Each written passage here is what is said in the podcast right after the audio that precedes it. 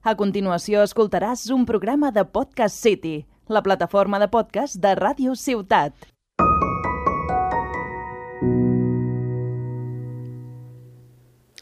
Bona tarda.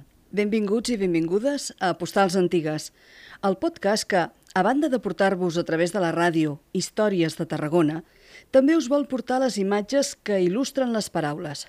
Sense cap mena de dubte, l'una és el reforç de l'altra, i totes dues alhora, paraula i imatge, conformen una experiència que ens agrada compartir amb vosaltres des de Ràdio Ciutat de Tarragona.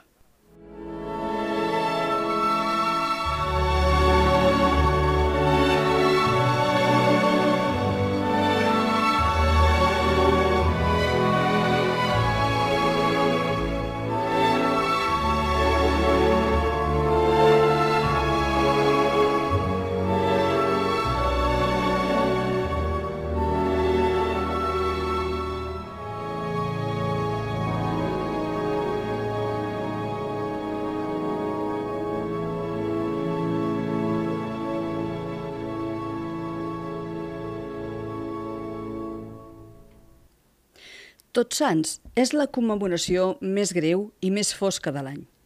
El dia 1 de novembre és el dia en el que els vius recordem els nostres morts. Es diu que aquesta nit la línia fina que separa els dos mons, el d'aquí i el de més enllà, es fa encara més fina, fins a pràcticament desaparèixer, i per tant, els morts poden venir a visitar els vius. És el dia dels panellets, que antigament formaven part d'un corpus de creences pràcticament oblidades, que significaven exactament això, l'etern retorn i el desig dels vius de preservar i de fer tornar els familiars estimats difunts. Per tots sants, centenars de persones es mobilitzen per anar al cementiri de la ciutat, a visitar les tombes, els nítxols dels seus familiars i els seus amics. És un dia pel record, per la pietat i per la reflexió. Avui, els cementiris de Tarragona són els protagonistes de postals antigues. I sí, sí, sí, dic cementiris en plural, perquè a Tarragona n'hi ha tres. El cementiri de Santa Tecla, el cementiri habitual, diguem-ho així, la necròpoli paleocristiana i el cementiri dels Jans. Comencem per aquest darrer.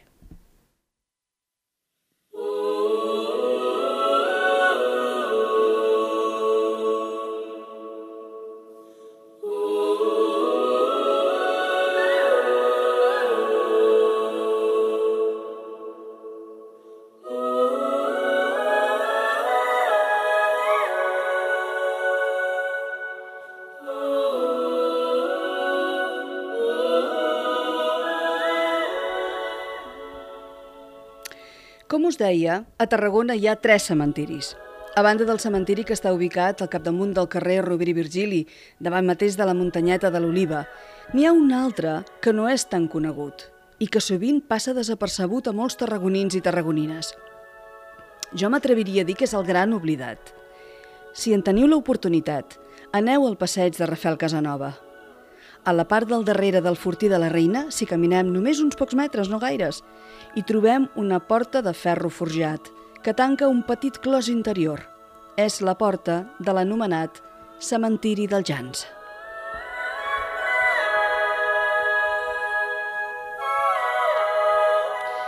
Aquest cementiri és propietat i responsabilitat de la corona britànica. La pregunta, gens retòrica, sembla clara – què fa un cementiri en aquest indret? Qui hi ha enterrat? Per què rep el nom de cementiri dels Jans? Mirem d'explicar-ho a continuació a Postals Antigues.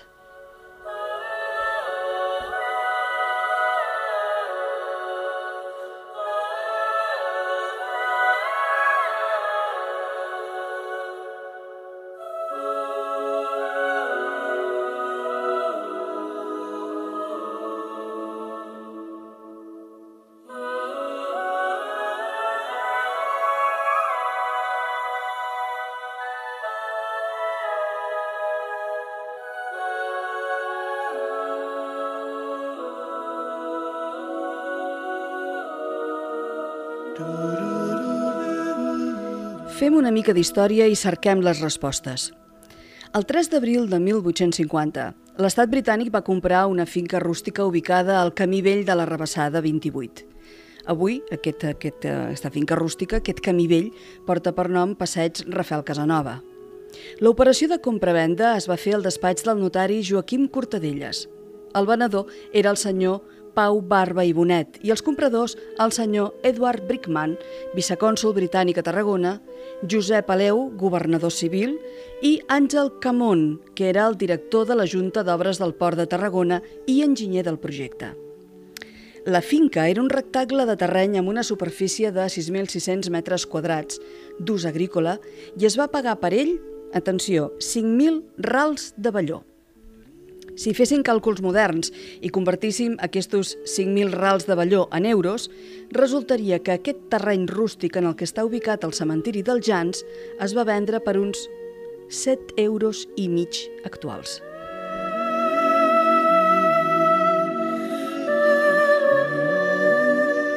Per saber qui ha enterrat en aquest cementiri de propietat britànica, ens haurà de remuntar a principis del segle XVIII. Mireu, quan va acabar la Guerra de Successió, desenes de soldats procedents de la Gran Bretanya van deixar la vida a la ciutat combatent al costat de l'exèrcit català per la causa de Carles d'Habsburg. Eren soldats de la darrera fase del conflicte, quan el front de guerra va quedar emplaçat a Catalunya. En un primer moment, els seus cossos es van enterrar a prop de la muralla de la ciutat, més o menys per la zona del Camp de Mart, però anys més tard van ser traslladats als cementiris dels Jans.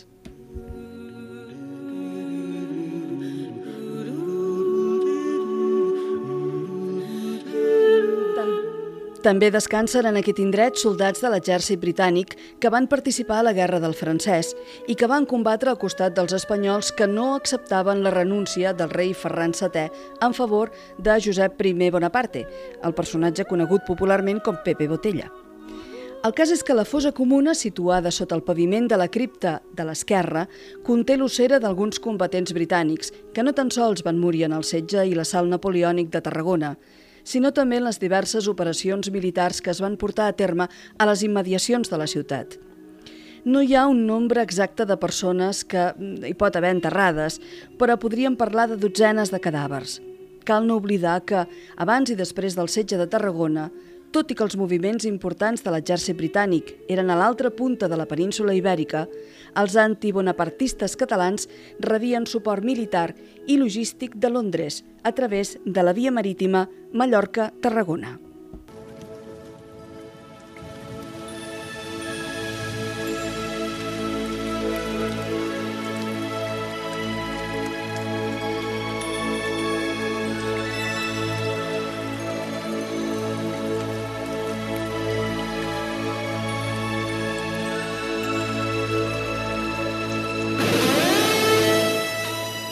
La sepultura més antiga del cementiri dels Jans correspon a un militar i cirurgià britànic anomenat John Jones, enterrat el 21 de gener del 1714. L'epitafi de la seva tomba és molt revelador. Diu textualment «Britànics contra francesos i espanyols». Aquesta afirmació xoca frontalment amb aquells pseudohistoriadors espanyols que tant i tant s'esforcen en retorçar la realitat i que presenten aquell conflicte com una simple disputa entre dos personatges que aspiraven al tron de Madrid. Sembla que l'epitafi de John Jones il·lustra clarament que els catalans, que eren austriacistes, tenien ben poc a veure amb els francesos i espanyols, que eren borbònics.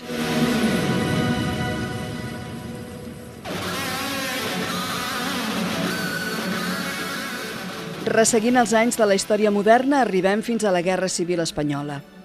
Un dels bombardejos dels aliats de Franco sobre Tarragona, concretament el del 20 de gener de 1938, va tocar de ple el vaixell mercant britànic Thorpenes, que en aquell moment estava desestivant 7.000 tones de carbó al port i va causar la mort de 10 mariners i oficials, de Clerc, Perrot, Jones, Mock, Wells, Walker, Taylor i tres persones més desaparegudes. Els cadàvers van ser enterrats al cementiri dels Jans, en una cerimònia que les fonts relaten com a molt emotiva. Poc després, el 16 de març de l'any 38, un nou bombardeig de les aviacions de Mussolini i Hitler sobre Tarragona van enfonsar el vaixell Stanwell i va provocar la mort del capità Madsen i dels oficials King i Mulholland, estan enterrats al nítxol 38 del cementiri dels Jans.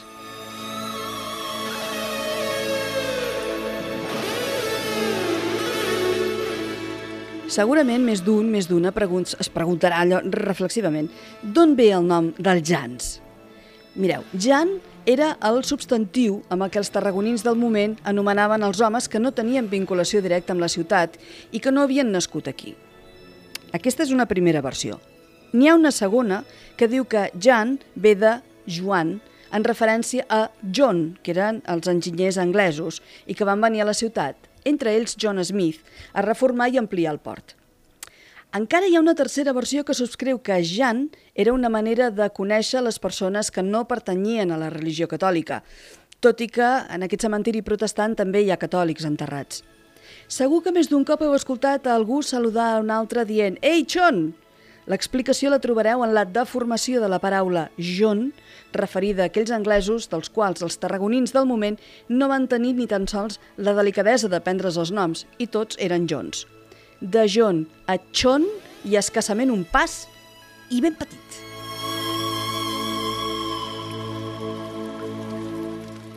Arreu de l'estat espanyol hi ha una vintena de cementiris d'aquestes característiques, però el de Tarragona és un dels més importants. Ara fa molts anys que no s'hi enterra ningú. La darrera sepultura va ser la d'una ciutadana britànica, Uma Hutchinson, establerta a Tarragona. 16 anys abans s'hi havia enterrat el seu marit, Wilfred James Wingham Hodge, fins fa no gaires anys, aquest era un espai que es trobava en un estat d'abandó pràcticament total, però, darrerament, el Consolat Britànic, que està ubicat a Barcelona, hi ha fet diverses intervencions per recuperar, millorar i dignificar el cementiri dels Jans.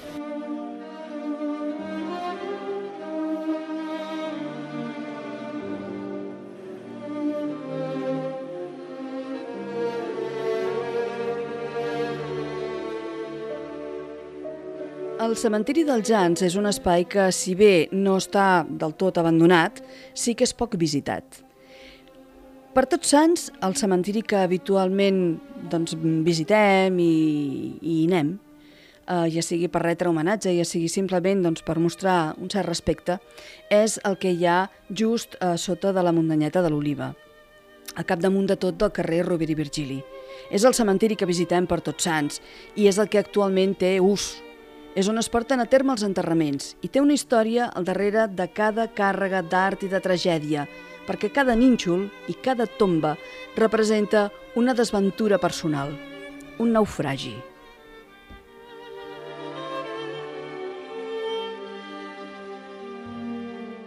Antigament, el cementiri de Tarragona estava ubicat al costat mateix de la catedral, en un fossar que hi havia just als peus de la capella de Santa Tecla la Vella. A la majoria de les poblacions, el cementiri estava just al costat del temple i els morts se'ls enterrava en terra consagrada. Ara bé, la irrupció del tifus a la ciutat va improvisar la creació de l'actual cementiri. Això passava l'any 1809, en el que es converteix en el cementiri més antic de les comarques de Tarragona. Efectivament, el 27 de febrer de l'any 1809 tenia lloc la primera inhumació al cementiri nou de Tarragona. Uns dies més tard hi rebia sepultura John Smith Sinot, que era corregidor de la ciutat i impulsor de la construcció d'aquesta necròpolis. A principis de l'any 1809, la ciutat vivia una època certament difícil – des de finals del desembre de l'any anterior, l'entrada de l'exèrcit francès a Barcelona va comportar la fugida massiva d'una gran quantitat de refugiats, entre militars i exiliats cap a Tarragona. La ciutat, petita i confinada dins els murs de la muralla, va veure com la seva població creixia d'una forma desmesurada i com augmentaven les situacions d'amuntegament i també d'insalubritat. En cosa de pocs mesos, Tarragona va passar de tenir uns 8.000 habitants a més de 15.000. Aquesta situació, agreujada per l'epidèmia de la febre tifoide que amenaçava la població i provocava milers de morts, penseu que l'epidèmia del tifus de 1809 va causar vora de 8.000 víctimes mortals a la ciutat, va col·lapsar l'antic cementiri, propietat de l'església i de l'antic hospital de Santa Tecla, que era tot just al davant, on encara s'hi pot veure una creu en un dels seus carrers, a la zona del carrer de les Coques. Aquest antic hospital de Santa Tecla estava ubicat on ara en aquest moment hi ha el Consell Comarcal.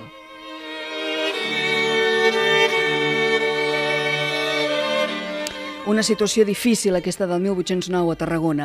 Les circumstàncies d'aquell moment van forçar les autoritats a donar compliment a la reial cèdula de Carles III del 3 d'abril de 1787, que ordenava situar els cementiris a l'exterior de les poblacions.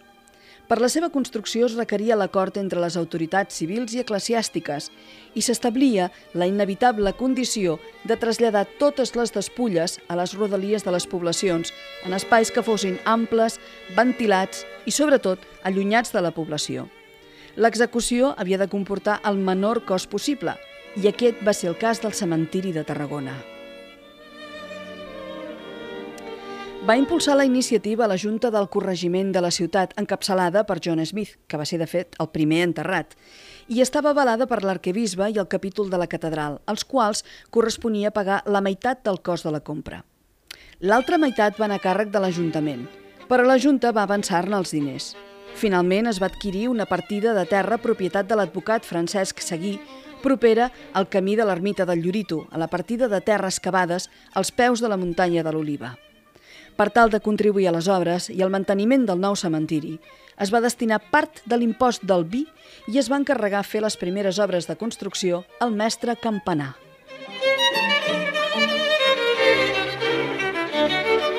Ara bé, malgrat les bones intencions, passada la guerra i dissolta la Junta del Corregiment, el cementiri es trobava en un estat de deixadesa absoluta no s'hi havia construït cap tanca i l'any 1815 el governador militar i polític va manar fer-ne una, que es va enderrocar pocs anys més tard. Els documents de l'època expliquen la situació deplorable i indigna en la que es trobava el cementiri. Va ser aquesta la raó per la qual l'Hospital de Sant Pau i Santa Tecla se'n va fer càrrec d'acord amb l'escriptura de sessió del 22 de desembre de l'any 1825.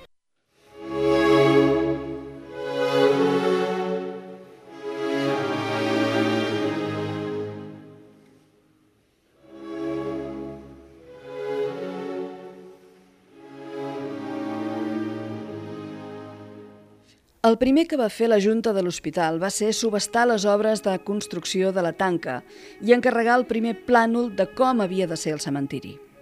Van adjudicar l'obra a Joan Rodríguez i uns mesos més endavant s'encarregà la portalada al mestre de cases Magí Tomàs. Van seguir l'arranjament de la capella, la construcció de 159 nous nínxols, l'obra de l'escalinata i la plantació de cipresos i oliveres. L'any 1844, el cementiri de Tarragona extenia els primers títols de propietat de nínxols i a partir de la segona meitat del segle XIX, el cementiri va viure una ampliació amb la construcció de noves sepultures, tombes, mausoleus i panteons, sarcòfags, capelles i hipogeus. Algunes foren dissenyades per arquitectes de renom, com Francesc Barba i Massip, Josep Maria Pujol de Barberà, Ramon Sales Ricomà o Josep Maria Jujol, que li va donar un to modernista al cementiri i artístic que encara avui en dia es manté en tota la necròpolis.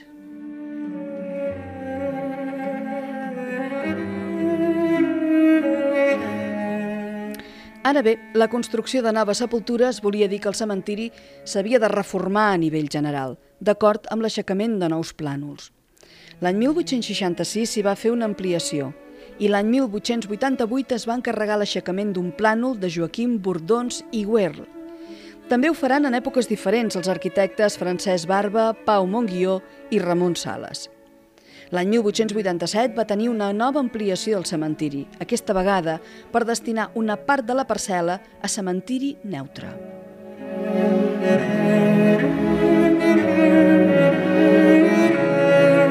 El 22 de març de l'any 1933 es va executar l'acte de requisició del cementiri, d'acord amb la llei de secularització de cementiris del 30 de gener de 1932. Segons aquesta disposició, el cementiri havia de passar a ser administrat per la municipalitat i l'hospital va perdre tots els drets. Finalment, al maig de l'any 39, es va retornar el cementiri a l'hospital i avui dia encara és propietat de Santa Tecla.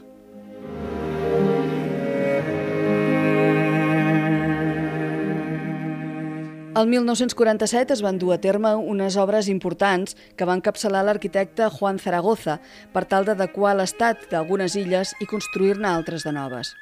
L'any 66, l'Ajuntament va plantejar la desafecció del cementiri i la construcció d'un de nou que fos de titularitat municipal – però el projecte no va tenir èxit. De fet, es van prendre eh, durant eh, la dècada dels, eh, dels 80 i, malgrat que s'havien iniciat les obres, finalment tampoc no van culminar. El 20 de desembre de l'any 1991 es va donar llum verda a la tan desitjada ampliació del cementiri, ampliació que va dur a terme l'arquitecte Josep Maria Milà i Rovira.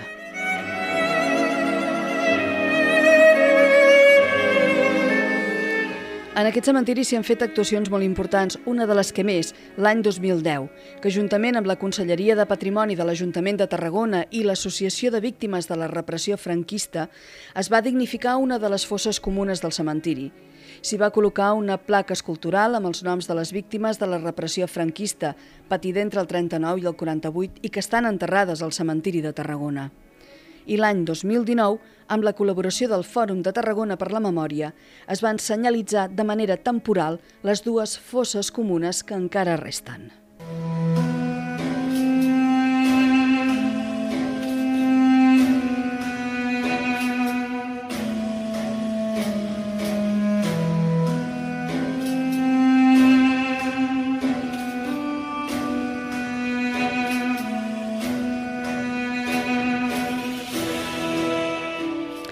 Tots els cementiris tenen la seva història. Tots tenen coses que cal saber. Una part d'art, també.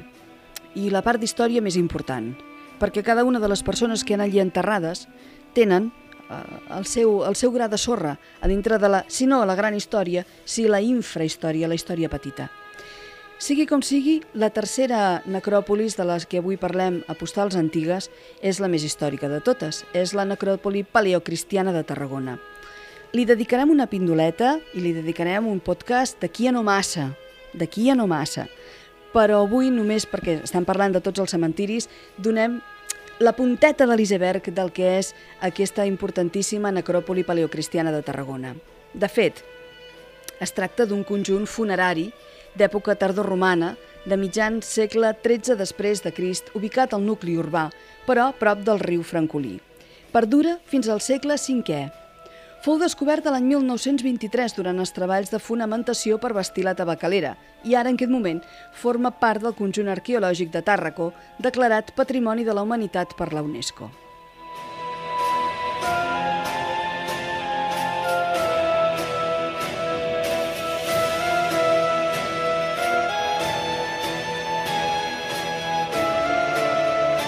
L'àrea del cementiri compta amb unes 2.051 tombes catalogades que abracen fins al període visigòtic i configura l'àrea funerària tardoromana a cel obert més important de l'Occident romà. El recinte de la necròpolis està format per una zona excavada a l'aire lliure, protegida per una estructura metàl·lica, l'edifici del museu, unes criptes funeràries i una zona de jardins amb sarcòfags exposats al públic. Actualment, la necròpolis paleocristiana de Tarragona està situada a l'espai que delimiten l'Avinguda Ramon i Cajal, l'Avinguda de la Independència, la Fàbrica de Tabacs i l'Avinguda del Cardenal Vidal i Barraquer. El conjunt està format per un centre d'interpretació que està dedicat a presentar el món de la mort en l'època romana i la problemàtica funerària Tàrraco, un museu monogràfic on es conserven algunes de les restes de les excavacions, un recinte funerari amb tegula eh, i, a més a més, elements ceràmics i sarcòfags de plom. L'escriptor dels arcs i de les roses eh, que hi ha al costat de, dels banys és de l'època alt imperial i forma part d'un mausoleu de planta central a la via romana i també hi ha un jardí en un espai enjardinat que és de caràcter neoclàssic.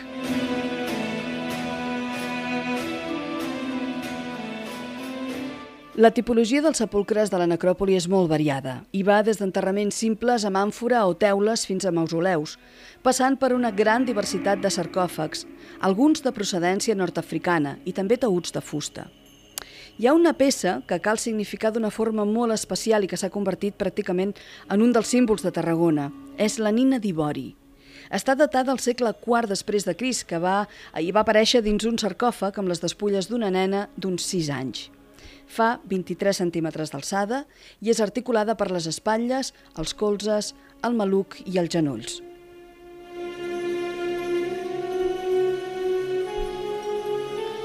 Mossèn Serra i Vilaró va fer una gran feina, una gran, gran feina a dintre d'aquesta necròpoli i de fet ell hi està enterrat també a la necròpoli.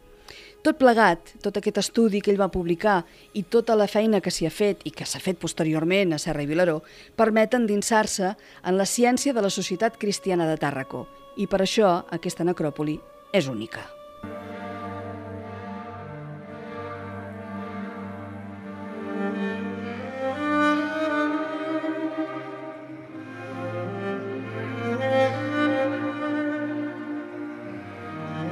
Els romans tenien uns ritus funeraris característics, particulars, curiosos. Segurament haureu sentit parlar de les ares votives. Si heu anat al, al Museu Arqueològic segur que n'heu vist, perquè n'hi ha una colla. De vegades estan traduïdes i d'altres no. En aquestes ares votives moltes vegades s'explica la història de la persona difunta a la qual va dedicada. I aquesta ara, aquesta ara eh, bàsicament el que explica en moltes ocasions són moltes dades d'aquesta persona, que van des del nom fins al nom dels pares, passant pels anys, mesos i dies que ha viscut, a què es dedicava, de què ha mort, eh, per què està enterrada allí. I de vegades també aquestes ares votives contenen poemes, poemes extraordinaris, poemes que venen dels morts cap als vius i que estan dedicats, al contrari, dels vius als morts quan aquests ja no poden parlar. Hi ha un llibre que em permeto recomanar-vos perquè el trobo absolutament extraordinari, és un poemari extraordinari, que es diu Perennia. Està escrit per Mònica Miró Benaixa i es tracta de poesia epigràfica llatina. L'edició que tinc a les mans eh, és de l'editorial Cadup i eh, ben els dos idiomes, és a dir, hi ha la part llatina, que és la transcripció literal de l'ara votiva, i traduït al costat al català el que explica aquesta ara votiva. Permeteu-me que avui acabi amb un d'aquests poemes d'una de, les, de les ares votives trobades. Es tracta de la dona d'un poeta. I diu així, Bassa, l'esposa del poeta Laveri, descansa en la cina profunda de la fèrtil terra mare. Ella, dona casada, de costums antics. El seu sagrat record roman en el marit. La seva ànima ha tornat al cel. Prepareu un estatge, que aquests cossos estimats els uneixin novament les nostres núpcies, però per sempre. Ets en el blat i en la canyella, en la mirra ben perfumada i en la mom. Demano, doncs, que d'aquí neixi una nova planta, una nova flor, d'on jo, boig per tu, pugui coronar l'altar i el meu poema i a mi mateix. La vinya, pintada amb penjolls purpuris de raïm, ha abraçat quatre oms amb els dolços sarments. El fullam, com el taló d'un teatre, enteixeix una doble ombra. La dels arbres enlairats i els lligams de la tendra esposa. Aquí, el cos del poeta Laveri, car l'esperit se n'ha anat enllà d'on va venir. Cerqueu la font de l'ànima. El que havia estat no sóc, però de nou seré el que ara no sóc, naixement i ocàs, vida i mort, talment així.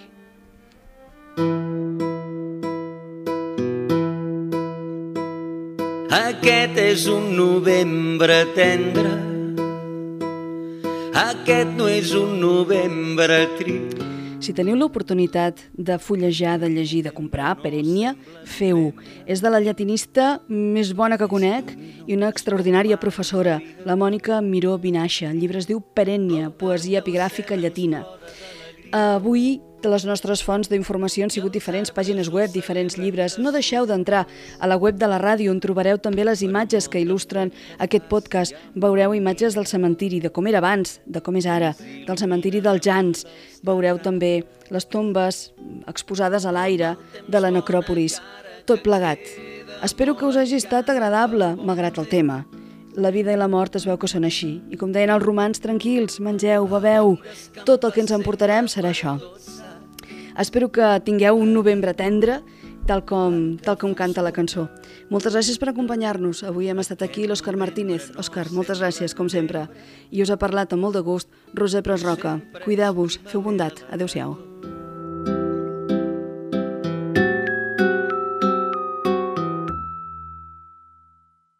Has escoltat un programa de Podcast City, la plataforma de podcast de Ràdio Ciutat.